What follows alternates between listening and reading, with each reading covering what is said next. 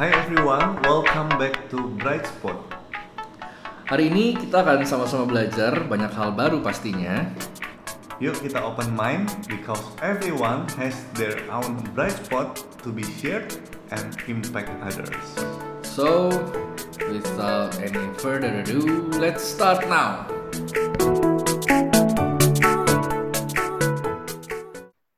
Oke teman-teman, para pendengar Bright Spot, senang sekali setelah hampir tiga bulan karantina, sekarang sudah new normal, kita sudah menyesuaikan dengan pandemi ini, tapi kita mau belajar dengan seseorang yang sangat luar biasa sekali, uh, pengalamannya sudah lebih dari 25 tahun, seperempat abad di dunia banking, dan juga seru banget memimpin begitu banyak sekali orang, cabang, dan juga tentunya kita penasaran banget pengen belajar dari Ko Edi Cahya Negara, Head of Network Retail Banking and Wealth Management HSBC Indonesia.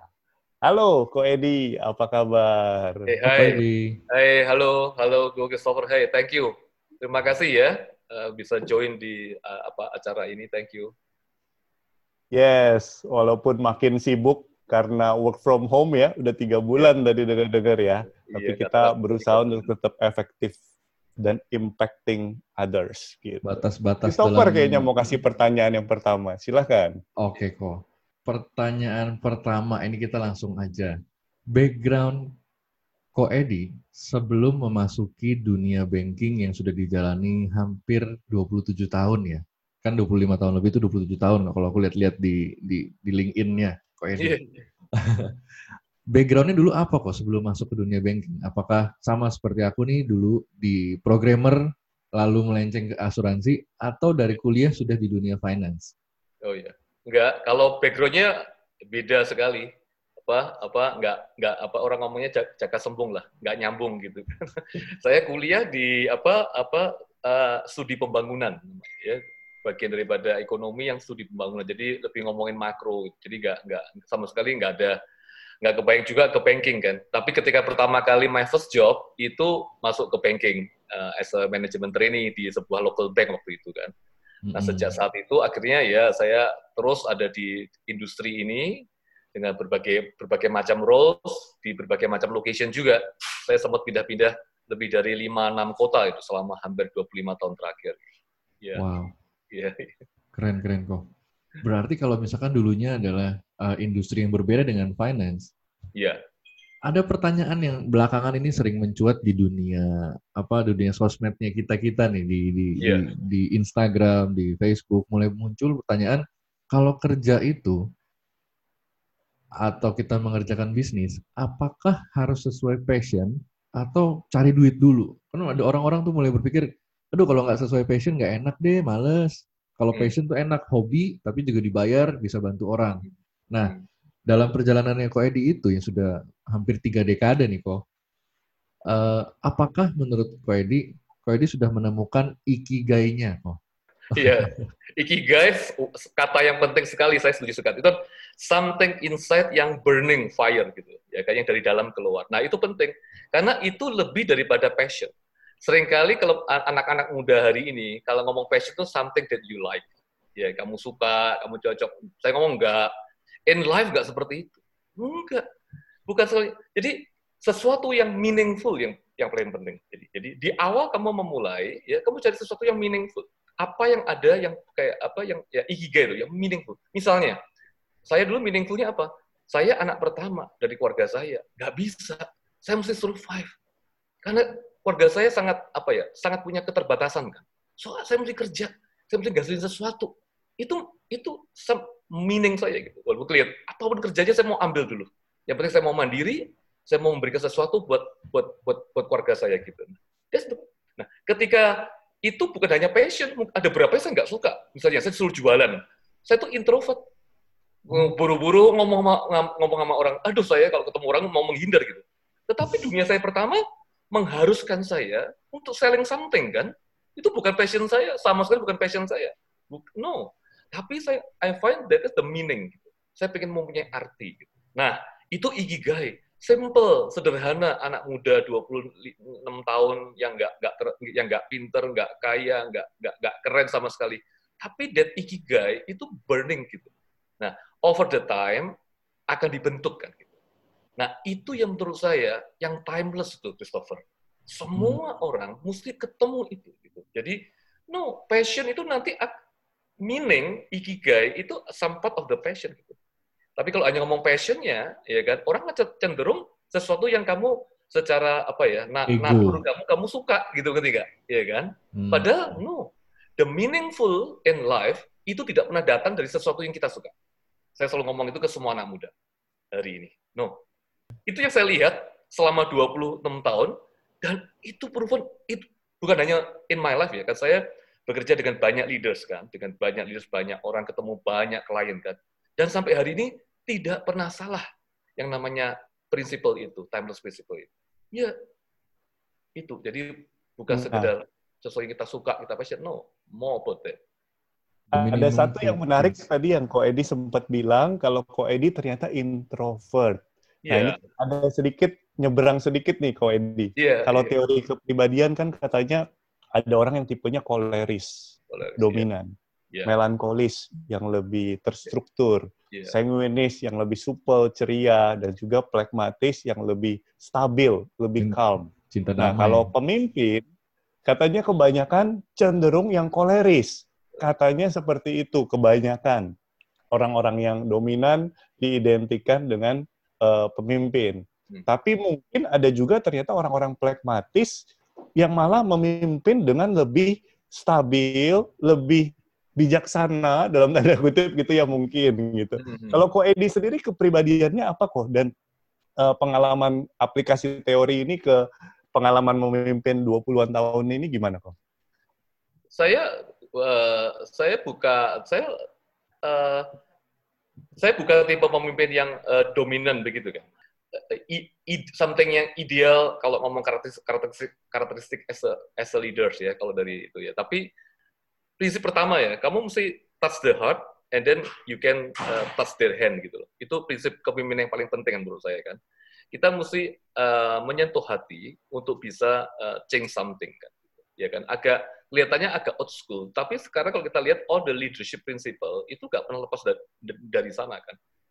The most yes. important kan influence kan sebenarnya kan, communicate kan gitu ya kan. Jadi how you can communicate. Tapi maksud saya adalah even kita introvert kayak saya, itu maksud saya tadi saya ngomong itu tujuannya agar kita jangan uh, hanya apa passion sesuatu yang kita suka kan, tapi kita mesti keluar dari ya kan uh, our apa limitation kan apa go. Jadi yes. as introvert pun kamu bisa justru apa uh, growth itu kan apa, keluar ketika kita mulai stop from the apa comfort zone kan ada kata-kata yang selalu ngomong gitu kan growth start when you uh, at the end of your comfort zone gitu maksud saya in everything ya di bisnis, in your leadership juga begitu kan. Itu hanya begitu kamu mengakhiri zona yang kamu oke, okay, nyaman, baru kamu mulai bertumbuh sebetulnya. Nah itu yang saya push very hard ke diri saya gitu. Dulu saya suruh ngomong di depan orang kan paling susah kan, tapi justru itu saya paksa diri saya untuk harus gitu misalnya. Jadi lot of thing lah. Selama journey ini saya belajar justru malah dari hal-hal seperti itu. Ya. Menarik. Gak nyangka sih kok. Introvert bisa uh, kalau tadi Ko Edi bilang touch the heart first and then the yeah. nextnya baru touch the hand. Mm-hmm. Mengingat Ko Edi kan cakupan ini nasional kok. Iya. Yeah. Apakah Ko Edi kenal dan berhasil menyentuh each heart of them di timnya Ko Edi dan senasional levelnya kok? Iya. Yeah. Kalau in my level saat ini karena saya udah leading national, jadi uh, saya ke one down dan two down saya kan. So I touch the heart of the leaders kan and then the second down leaders. Ah, nah, ke bawahnya memang memang tidak memungkinkan kan. Tapi walaupun occasionally saya berusaha menghafal. Kalau saya datang ke Medan, saya catat note dulu, saya minta daftar nama dari uh, tim saya, namanya set, saya coba hafalin gitu kan. Walaupun ada kadang juga bisa lupa, tapi tetapi maksud saya adalah again leadership ya sekarang from top to down kan dari atas. Ketika saya lakuin mm -hmm. ke my second line, my ke third line, and then saya yakin mereka juga akan do the same thing harusnya begitu kan. Jadi all. Uh, jadi you touch the heart of the leaders and dan kita berharap leaders itu juga akan touch the heart of their uh, team juga. Team. Itu yang penting sih. Uh, Oke. Okay. Kalau momen yang paling challenging dalam experience memimpin selama ini, Ko Edi? yeah. uh, ini kebetulan, uh, pertanyaan yang sangat bagus yang saya tunggu-tunggu sebetulnya. Karena momen saya yang paling bagus selama perjalanan saya karir ini selalu di momen ketika krisis hebat sedang terjadi. Jadi hmm. bagi yang muda-muda kan mungkin kalian nggak nggak ngalamin tahun 98 kan, mungkin masih SMP atau SMA tuh. Tapi itu ada the great crisis for Indonesia. Hari ini dolar kemarin cuma sampai ke, ke 16.000, 16.500 kan dari sekitar 13.000 biasa. Pada waktu itu dolar 2.500 sampai ke 15.000. So you can imagine, ya kan? Hmm. Situasinya seperti itu. Tetapi saya selalu mengalami sesuatu yang luar biasa. I learn the most important lesson in life, in career, itu dikenal krisis yang yang hebat. 98 ya ketika bank-bank juga ngalamin banyak guncangan Indonesia resesi ya. Lalu berikutnya tahun 2008 yang besar ya. Tengah-tengah itu ada beberapa tetapi yang the biggest tahun 2008. Christopher tahu lah ketika itu Giant Insurance AIG aja udah diambang ke kebangkrutan ya kan. Betul, betul. Ready in May. All the uh, 100 years institution yang kita ngomong apa too big to, to fail. Too big to fail. Ya. Hari itu kita lihat fail gitu. Nah, tapi saya juga belajar juga di tahun 2008 itu. Nah, karena itu hari ini ketika kita masuk the new crisis, saya ngomong ini ada the great lesson yang saya nggak mau nggak mau kehilangan uh, momentumnya juga gitu. Jadi buat orang-orang yang dengerin ini, saya yakin the great opportunity momentum itu ketika ada di krisis. Karena ketika krisis langsung terpisah menjadi dua bagian besar kan, orang yang hopeless sama orang yang hopeful selalu. Selalu ada hmm. sekitar 10-20 persen yang jadi lebih hopeful kan. Karena when crisis happen, itu membuat kita semua ada at the same playing field kan. Saya ingat ketika tahun 98 saya memulai uh, karir saya di tengah, masih awal-awal karir kan pada waktu itu ya kan. Oh bayangin, kalau keadaan normal, saya pasti nggak akan bisa compete lah ya kan, karena my peers kan mereka punya pendidikan yang lebih baik, dari keluarga yang punya relasi lebih bagus, ya kan, yang bisa cocok buat nasabah gitu misalnya. Mereka punya pengalaman lebih banyak, bener gak? Ya kan? Hmm. Ya kan? Tapi ketika krisis, oh jadi sama. Lu punya, lu lebih pinter, pendidikan lebih bagus, atau punya network lebih besar, yang meter pada waktu apa? Awal ke kegigihan kan, perseverance kan. Karena hmm. marketnya berubah gitu loh, ya kan? Di 2008 juga demikian kan 2008 ketika semua goncang, ya kan, akhirnya yang terjadi adalah sama semua. All financial institution, ya kan. Kamu nggak bisa ngomong lagi bahwa, oh, saya 200 tahun nih perusahaan besar gitu.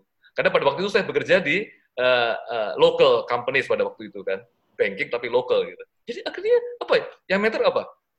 Bagaimana kita menjelaskan kedekatan kita sama nasabah. Kalau ngomong kedekatan, ya kan, build the rapport itu kan semua sama, tergantung uh, kitanya kan gitu. Hmm. Itu contoh maksud saya bahwa krisis itu opportunity yang luar biasa buat kita. Ya sama kalau kita uh, bahasa uh, Mandarinnya kan kita pernah tahu itu kan ya. Hmm. Kalau ngomong uh, ya ya kan krisis itu kan cihui kan, ya kan hmm. itu satu kata. Itu kan Chinese epistemologi kan, satu kata tapi consist dari dua dua huruf. Ci-nya cihui bahaya, apa uh, wei-nya weixian, bahaya, ci-nya cihui adalah opportunity kan. I think bukan sebuah kebetulan sih.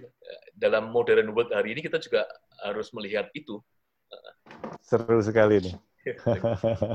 Kalau kita sekarang baru ngalamin krisis yang pertama, kok ini udah lewat tiga kali krisis 98, 2008, sekarang 2020.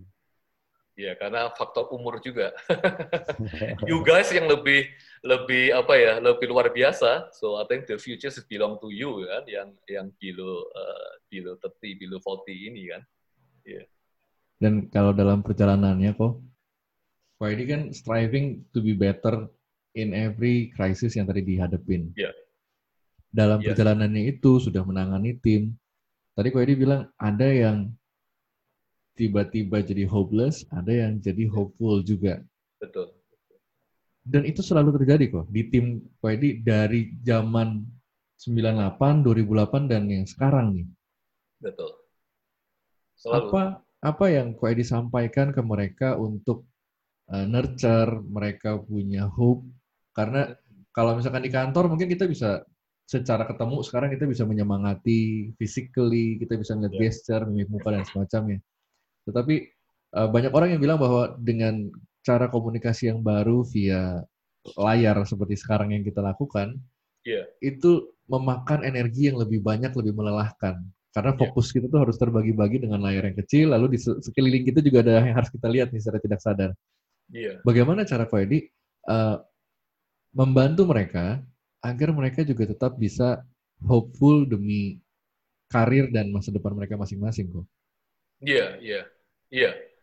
Tidak mudah. So saya juga sadar bahwa situasinya memang sangat-sangat challenging apa di periode waktu-waktu seperti ini kan. Ini krisis kali ini memang dimensinya lebih eh, lebih uh, lebih tidak mudah ketimbang dua kali krisis sebelumnya ya 98 2008 kali ini memang lebih lebih lebih apa uh, apa uh, kompleks lah situasinya. Nah, tadi yang Christopher sampaikan adalah yes, the challenge buat kita as a leader adalah bagaimana kita still connected kan gitu. Ya kan?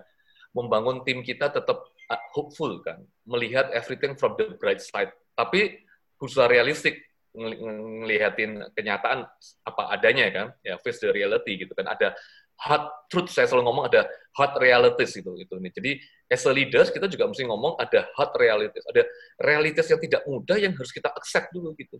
Ya kan? Masalahnya kita nggak boleh denial. Jadi as a leader yang saya selalu ngomong pertama kali saya selalu ngomong mengenai hard realities ya. Eh, realitas kita hari ini seperti ini, ya kan? Saya sebutin hari ini nggak mudah nih. Customer juga nggak bisa ditemuin kadang-kadang, bukan ya kan? Hmm. Bisnis semakin kompleks gitu, ya kan? Orang lebih hati-hati, nggak mau ngambil make business decision. Nah itu semua kita outline ya dari sana. Tetapi terus kita kasih lagi uh, apa uh, view bahwa ini juga sekaligus adalah opportunities kan, ya kan? Nah, uh, makanya saya pribadi saya ngelakuin hal-hal kecil sih. Saya tetap keep engaging mereka dengan dengan uh, teknologi lah ya, ada Zoom, ya memang nggak mudah, tapi saya selalu menyempatkan waktu, even cuma setengah jam. Saya punya on the weekly, itu setiap hari, saya selalu ketemu dengan dua tiga orang leaders dengan Zoom, walaupun cuma setengah jam. Kadang-kadang waktu lunch time saya cuma satu jam, saya pakai cuma setengah jam, setengah jamnya saya ketemu. Sore, malam juga demikian, weekend juga. Setengah jam aja, I think setengah jam nggak akan banyak kan. Nah, tetapi itu penting sekali kan, ketika kita ngobrol sama mereka ya kan kita understand uh, understand what is their their challenges kan. Dan tidak hanya profesional tapi juga their personal life juga kan. Itu itu penting. Karena itu adalah foundation kan ya kan. Kalau leadersnya on the good shape leadersnya hopeful nah kita punya harapan bahwa the rest of the team juga bisa hopeful. Seringkali kan nggak nyambung aja kan problem utama organisasi itu kan ada disconnected kan from the senior leaders sampai ke bawah. Nah, itu tantangan kita. Saya tidak ngomong, saya juga uh, nggak ada, saya juga ada persoalan itu. Nah, makanya efek yang saya lakukan adalah lakuin hal dan small little thing yang saya lakukan adalah saya selalu ya karena thank you to the apa perkembangan anak-anak muda hari ini dengan begitu banyaknya bisnis e-commerce kan yang saya bisa kirim sesuatu yang tidak terlalu mahal lewat lewat GoSend, lewat Gojek, cuman apa candy kecil, makanan kecil, tapi saya kasih personal note gitu kan. It makes a difference. Jadi maksud saya banyak hal yang make a difference, ya kan? Kita kasih kata-kata just simple aja. Kayak kemarin saya ada kirim ke, ke, ke satu tim ketika anaknya dia graduation lulus SD, tapi kan nggak ada kan. Saya cuma ngomong, eh Uh, thank you, congrats to your namanya anaknya Nico, congrats to Nico yang udah uh, lulus SD ya. Saya percaya Nico will be even better than uh, than papanya. Simple thing ya menurut saya, tapi sincerely kita lakuin dah. This kind hal-hal yang personal ini menurut saya kita bisa lakuin kok di rumah, ya kan. Selain lewat teknologi juga send something. Murah pakai Gojek cuma dua puluh ribu ya kan? Beliin sesuatu ya kan? Satu seratus ribu satu ribu. Oke okay banget.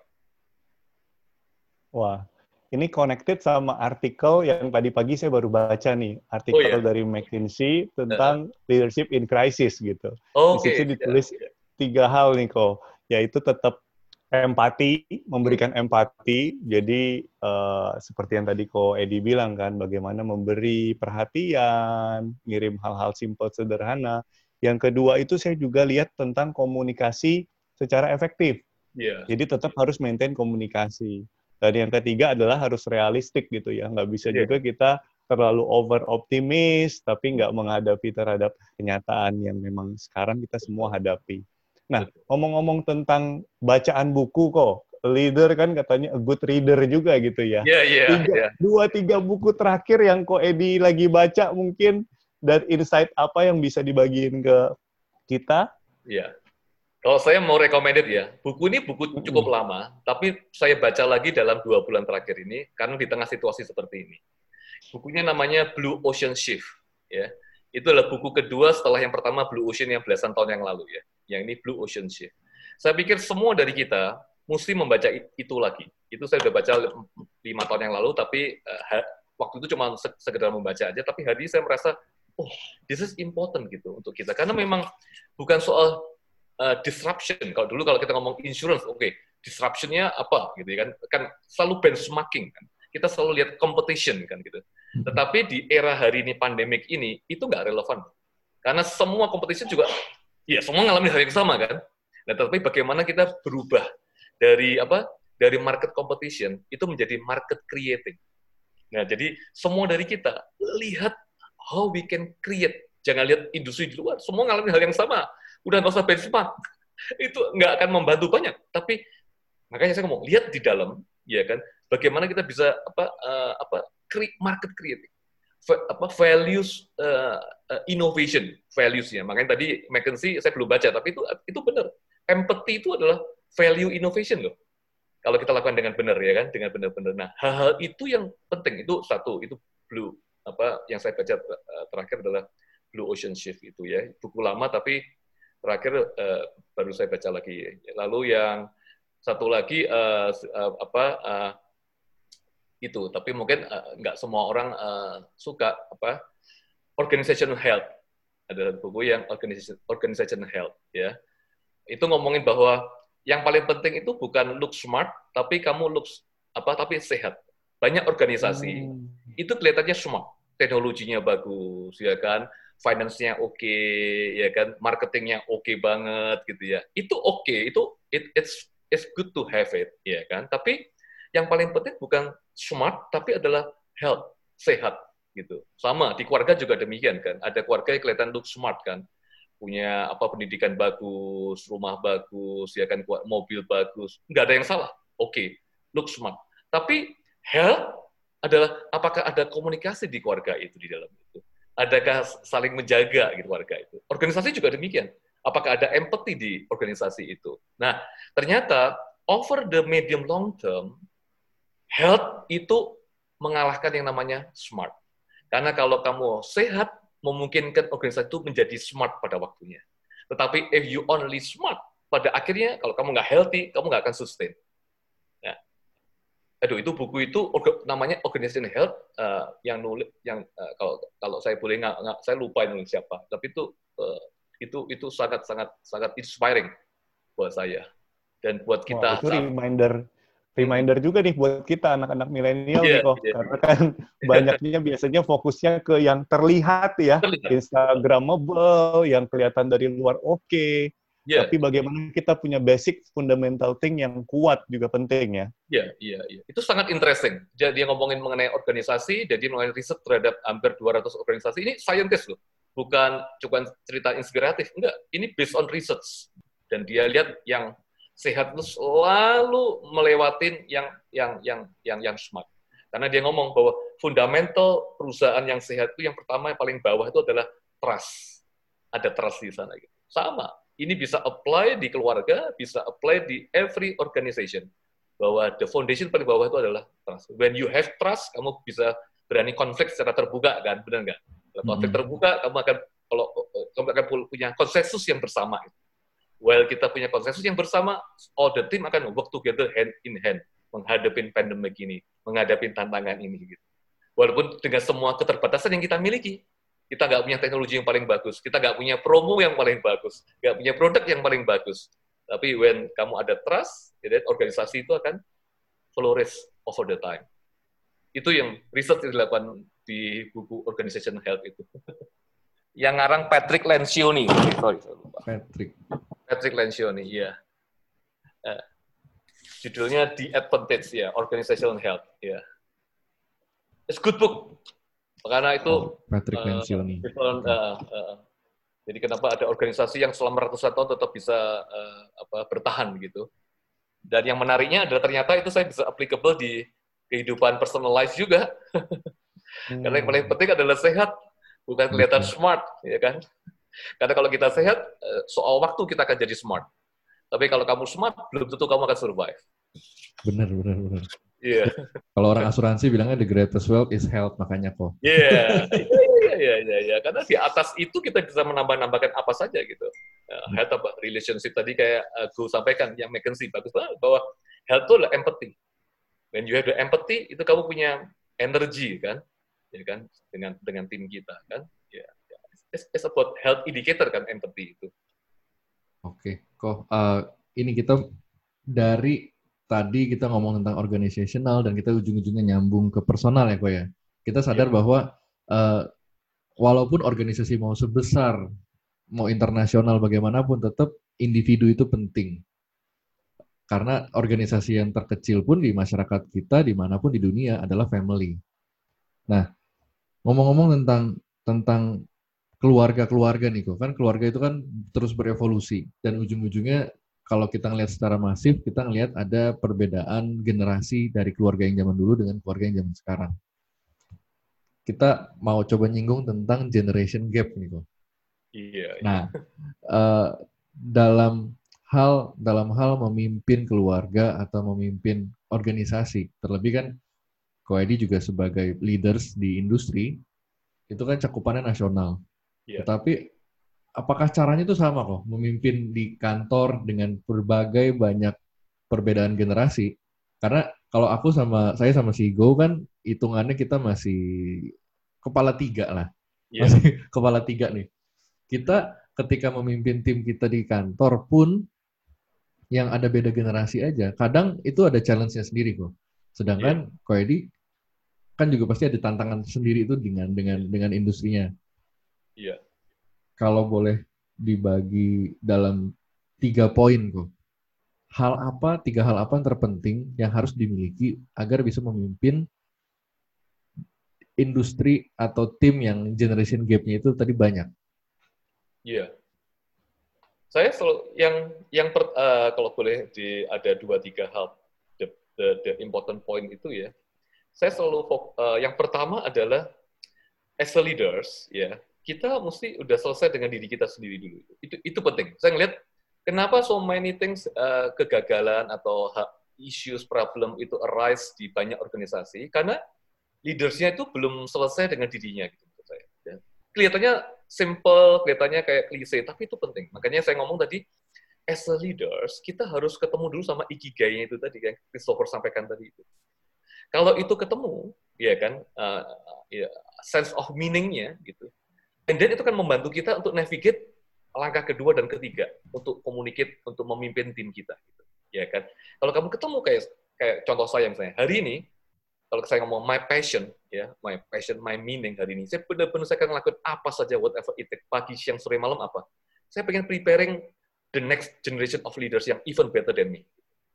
Jadi dan itu beyond numbers gitu maksud saya. Itu membuat saya bisa melihat tim saya tidak hanya sekedar numbers gitu kadang-kadang ada some good people yang numbersnya lagi jelek. Kadang-kadang orang yang uh, orang yang nggak bagus tapi angkanya lagi bagus gitu. Which semua oke okay buat kita. Tetapi kalau saya udah selesai dengan diri saya, saya ketemu dengan diri saya, saya sarankan semua leaders, talk to yourself first, ya kan? Kalau gak ketemu, kamu kan bisa navigate yang kedua ini. Ya. Yang kedua itu apa?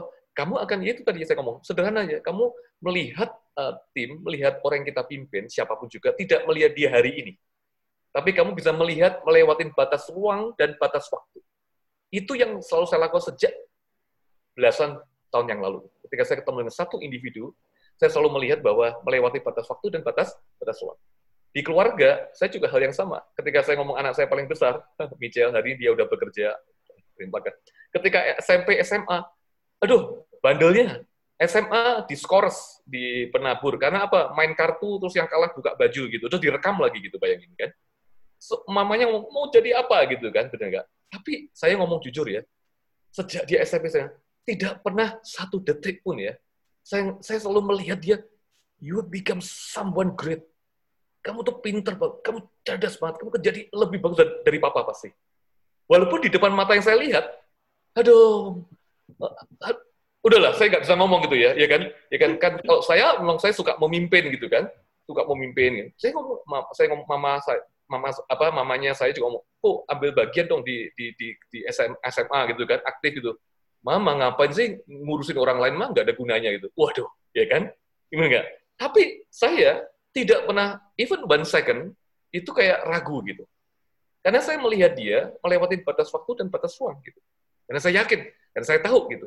Karena saya ayahnya kan. Nah di kantor juga demikian. I'm the leaders. Saya tahu my one down, my two down gitu. Saya tahu gitu. Karena apa? Saya selesai dengan diri saya pertama. So I'm okay with myself as a leader. Saya ketemu. Kedua, itu dia. Saya melewatin. Dengan demikian, saya selalu bisa melihat the bright side from everything. Yang yang apa yang tak Nah, dan yang ketiga, akhirnya saya apa kalau di kantor saya bikin yang namanya uh, framework ya kan itu important as a leader satu dua memang kamu lebih in yourself kedua yuk kamu lihat uh, something yang lebih uh, mindset inspirational ya tapi yang ketiga as a leader you need to help your team untuk navigating ini. Karena kita mungkin bisa tetapi your team mungkin tidak bisa. Mereka mengalami kesulitan. Nah itulah gunanya bagaimana meaning fashion passion turning into daily activity. Ya kan? Nah hmm. saya bikin framework. Kayak misalnya pemimpin saya di cabang, saya bikin namanya uh, ya apa, uh, branch manager daily operating rhythm. Rhythm harus mereka mesti ikutin gitu ya kan. Rhythm pagi mesti apa? Morning huddle gitu. Saya buatin rhythmnya. Saya kasih temanya. Every morning sebelum jam 8, jam 8, jam setengah 8, ada tim saya yang ngirim lewat WA. Tema hari ini. Satu lembar aja PowerPoint. Tema hari ini gitu disebutin. Ada saya kasih satu quote kata-kata yang bagus gitu. Every day kita udah lakuin lebih dari empat tahun. Setiap pagi. Sederhana. Itu ritme yang pertama. Kan. Ritme sampai selesai. Sampai end of hari ini. Sampai selesai jam 5-6 sore. Ada. Nah, ini membantu. Ada sebagian yang follow, sebagian yang enggak kan. Nah, hmm. ada ada ada evaluasi kita lihat kita sesekali ada ceknya leadersnya mereka juga ngeliatin gitu nah itu aja kalau ngomong tiga hal start with yourself kamu selesai ketemu your ikigai lihatin itu ya kan yang kedua kamu harus lihat your team, your family, ya kan, melewatin lebih daripada apa yang mata bisa lihat, ya kamu. Farther than eyes can see. Dengan, terus ketiga, membantu itu dengan creating a framework. Jadi, simple thing, ada frameworknya. Sehingga kamu bisa measure what success look like dalam waktu tiga bulan, enam bulan, dan lalu apa perbaikan yang bisa kita lakukan. Itu aja tiga prinsipal simple thing yang semua orang bisa lakukan. Jadi ada checklistnya, ya. ada ada apa namanya yang bisa diukur sehingga itu menjadi satu habits ya kok ya. Iya, iya karena ke ke kelemahan kita kan mungkin ada orang yang super motivated kan. Wah, oke okay, motivated ya. Oke, okay, I think that's good. Tapi not sufficient gitu. Nah, yes. itu tugasnya leaders. Seringkali leaders itu lupa. Leaders itu cuma mengenergize, memotivasi, terus terus ngejerin angka. Nah, ya kan beda-beda tipis sama mandor kan. Mandor juga begitu. Ngomong pagi, oh, terus sore ngejarin angka. Nah, yang lupa, waktu yang paling banyak adalah how you develop a framework, ya kan. Ritmenya seperti apa. Bagaimana kamu nggak apa uh, how you review it. So make your team better and better over the time gitu. Nah, ini yang sering kali part yang ketiga ini sering kali kita kita neglect. Padahal itu equally important dengan yang poin yang pertama poin yang kedua. Kok kalau based on my personal experience di kantorku banyak memimpin orang-orang yang lebih tua. Iya, Kebetulan yeah, yeah. di kantorku di property agent itu rata-rata ada yang 50 tahun usianya, ada yang 40-an something gitu ya. Yeah. Sedangkan sekarang market sudah bergerak ke arah milenial. Yeah. Di kantor Koko pasarnya juga udah mulai menyasar generasi-generasi yang 25 sampai 30-an something. Artinya perlu ada strategi baru, perlu ada tim-tim yang juga milenial. Christopher pun timnya sekarang mulai banyak yang milenial, saya pun juga mulai banyak recruiting milenial tim. Sedangkan kendalanya kan beda nih kok. Memimpin orang-orang yang milenial tuh benar-benar uh, karakter mereka tuh kadang semangat berapi-api, terus pengen pindah profesi uh, selang dua minggu kemudian menghadapi tantangan. Nah, kalau pengalaman Ko Edi, uh, gimana kok tips dalam memimpin generasi milenial ini? Iya, uh, harus saya akui memang tidak mudah karena generasi milenial ini bukan ngomong dia lebih sulit, bukan. Karena mereka hidup di dunia yang mereka punya banyak option kan. ya kan. In my generation dulu, ya saya nggak punya banyak opsi, ya kerja ya kerja, ya, mau pindah bank, ya banknya juga terbatas kok, nggak banyak kan, ya kan. Hari ini milenial hari ini dia pilihannya banyak, jadi bukan karena dianya, bukan karena marketnya, industrinya yang provide itu gitu. Dulu saya kalau fokus fokus saja karena kan nggak ada nggak ada uh, apa nggak ada macam-macam lah ya internet WA atau anything lah. Hari ini kan kamu bisa lakuin banyak hal gitu kan. Jadi kita mesti understand this is the the the, the market ya kan. Jadi kan nggak ada gunanya kita uh, apa apa uh, against it gitu. Jadi maksud saya organisasi saya juga demikian. Saya punya tim yang muda-muda ya, dan saya lebih fokus sekarang ya muda-muda itu kita bikin namanya fokus group, group discussion karena saya ngelihat masa depan dengan my lens itu beda dengan uh, Christopher Lens gitu ya kan. Saya dan saya lebih percaya Christopher Lens gitu karena di usianya dia dia bisa melihat generasi ini dengan lebih baik gitu. Nah, itu kita gunakan juga gitu, ya kan? Jadi ya, tapi how to leading this gener menariknya interesting enough adalah apa? Generasi ini ternyata lebih membutuhkan gini loh. Satu sisi memang lebih susah dihandle, ya kan? Lebih challenging karena banyak opsi, ya kan? Tetapi if we can touch the right button, ya, the ikigai part gitu ya. Generasi ini juga generasi yang sangat apa ya passionate, dia willing to do sacrifice everything, nggak hanya for katakanlah hanya sekedar short term uang gitu misalnya. Saya menemukan generasi ini gitu. Yang di generasi saya dulu nggak punya luxury seperti ini gitu. Ya karena generasi ini hari ini kan sangat apa uh, very fortunate karena mereka kalau saya dulu kan harus bekerja karena memang kalau nggak kerja saya nggak makan. Tapi kebanyakan generasi kita hari ini, sebetulnya kalau dia nggak kerja 2-3 bulan pun dia masih bisa survive, karena orang tuanya kalau hanya untuk makan masih bisa. So, saya melihat dari sisi positif, kalau kita ketemu ikigainya, mereka willing to sacrifice, mereka willing do more gitu, untuk bertahan untuk sesuatu yang lebih jangka menengah, jangka panjang gitu. Nah ini kan bagus kan sebetulnya kan. Nah, jadi kemampuan seorang pemimpin untuk bisa apa namanya uncovering the high, apa the pain point itu jadi penting. Karena generasinya juga punya pain points kan, punya problem gitu ya kan.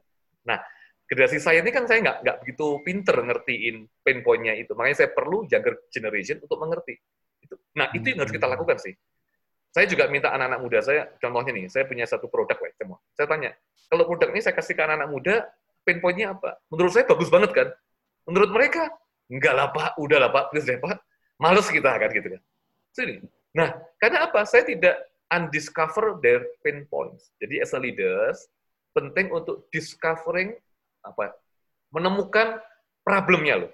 Pain pointnya dia tuh apa gitu loh, ya kan? Di industri ini pain point anak-anak muda itu apa misalnya kan? Industri ini yang paling apa problemnya dia ya, pain pointnya apa. Nah, kalau kita bisa discovering, bukan berarti solving, solving ya, tapi just discover, kita understand dan mereka merasa bahwa kita ada mensupport mereka.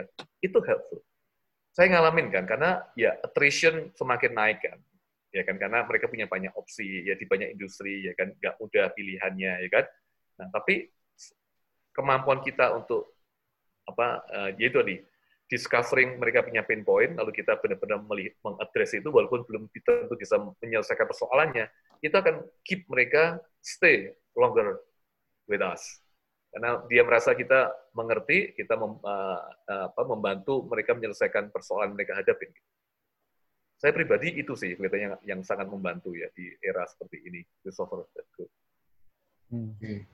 Ko Edi, thank you banget. Ini masukannya kita benar-benar belajar banyak ya, Go ya.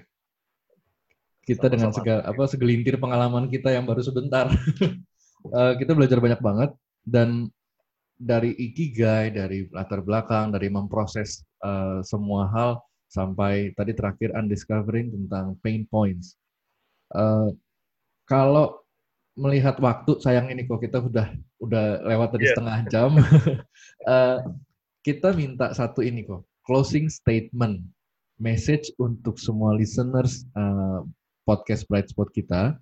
Yeah. Message apa untuk mereka semua agar mungkin mereka bisa striving to be better person after this pandemic atau Koko punya message lain as a closing statement. Silakan kok. Ya, yeah, thank you. Christopher and Go, terima kasih ya. Thank you untuk semua listener juga uh, thank you.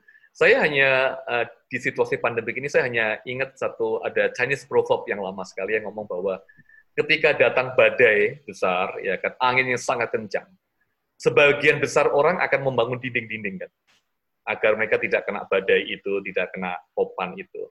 Tetapi sebagian kecil orang, dan saya yakin itu adalah kita dan listener semua ini, instead of we are building a wall, kita building a turbine. Kita membangun kincir-kincir angin. Jadi maksud saya adalah bagaimana kita membuat badai ini, ya seperti kincir angin, justru akan menggunakan badai itu, menggunakan angin yang besar itu untuk membangkitkan energi yang baru yang sebelumnya kita belum pernah mengalaminya. Simple thing, tapi ini adalah poin yang tidak boleh kita hilangkan, nggak boleh kita apa miss dari pandemik ini gitu. Ya, saya tidak mungkin setiap industri akan berbeda-beda, tetapi the spirit adalah apa pun kesulitan yang kita alami hari ini, instead of building a wall, kita menolak, kita resisten, kita denial, jangan, tapi kita bangun apa apa uh, wind uh, wind windmill ya apa turbin untuk menggunakan itu menjadi kekuatan bagi kita. Mungkin tidak saat ini, tapi nanti setelah uh, dalam uh, satu dua tahun ke depan. Itu aja sih message yang ingin saya sampaikan bahwa dengan demikian kita will get stronger energy melewati uh, apa pandemik ini. Dan yang paling penting adalah krisis itu selalu terjadi. Jadi generasi yang Christopher hari ini ketika kamu 30 plus ngalamin ini, oh oke okay banget. Karena nanti in next 10 years mungkin ada another crisis lagi. Tapi kita semua yang mendengarkan ini, kita benar-benar ya very fortunate kita well equipped ya kan kita bisa belajar banyak hal. Terima kasih banyak ya. Thank you for the time. Thank you for the opportunity. Thank you banget, Ko Edi. Uh, kita aku sampai speechless karena di awal podcast kita tadi kata-katanya Ko Edi membuatku merinding dan terakhir barusan pepatah itu juga membuatku merinding lagi kok. thank you, thank you, thank you. Oke, okay. uh, Go ada tambahan? Itu aja, itu juga yang sedang kita lakukan, yaitu membangun kincir-kincir angin dengan belajar dari insight-insight praktikal, interview orang-orang hebat yang setiap bulan, setiap minggu kita usahakan tetap maintain. Buat teman-teman yang mau cari tahu tentang Koedi atau mungkin mau uh, apa namanya apply jadi timnya mungkin di SBC atau apa bisa juga connect ke LinkedIn. dan mungkin sosial media Koedi yeah. Cahaya Negara. Mm-hmm. Gitu Nanti ya. uh, profiling innya dan mungkin profile Instagramnya juga Koedi ya kita yeah, taruh juga. di caption dari podcast episode kali ini. Ya, yeah. thank you, terima kasih banyak, thank you. Oke, okay, oke, okay, thank you. Ya. Uh, thank you, thank you. Ya, terima kasih. Thank you.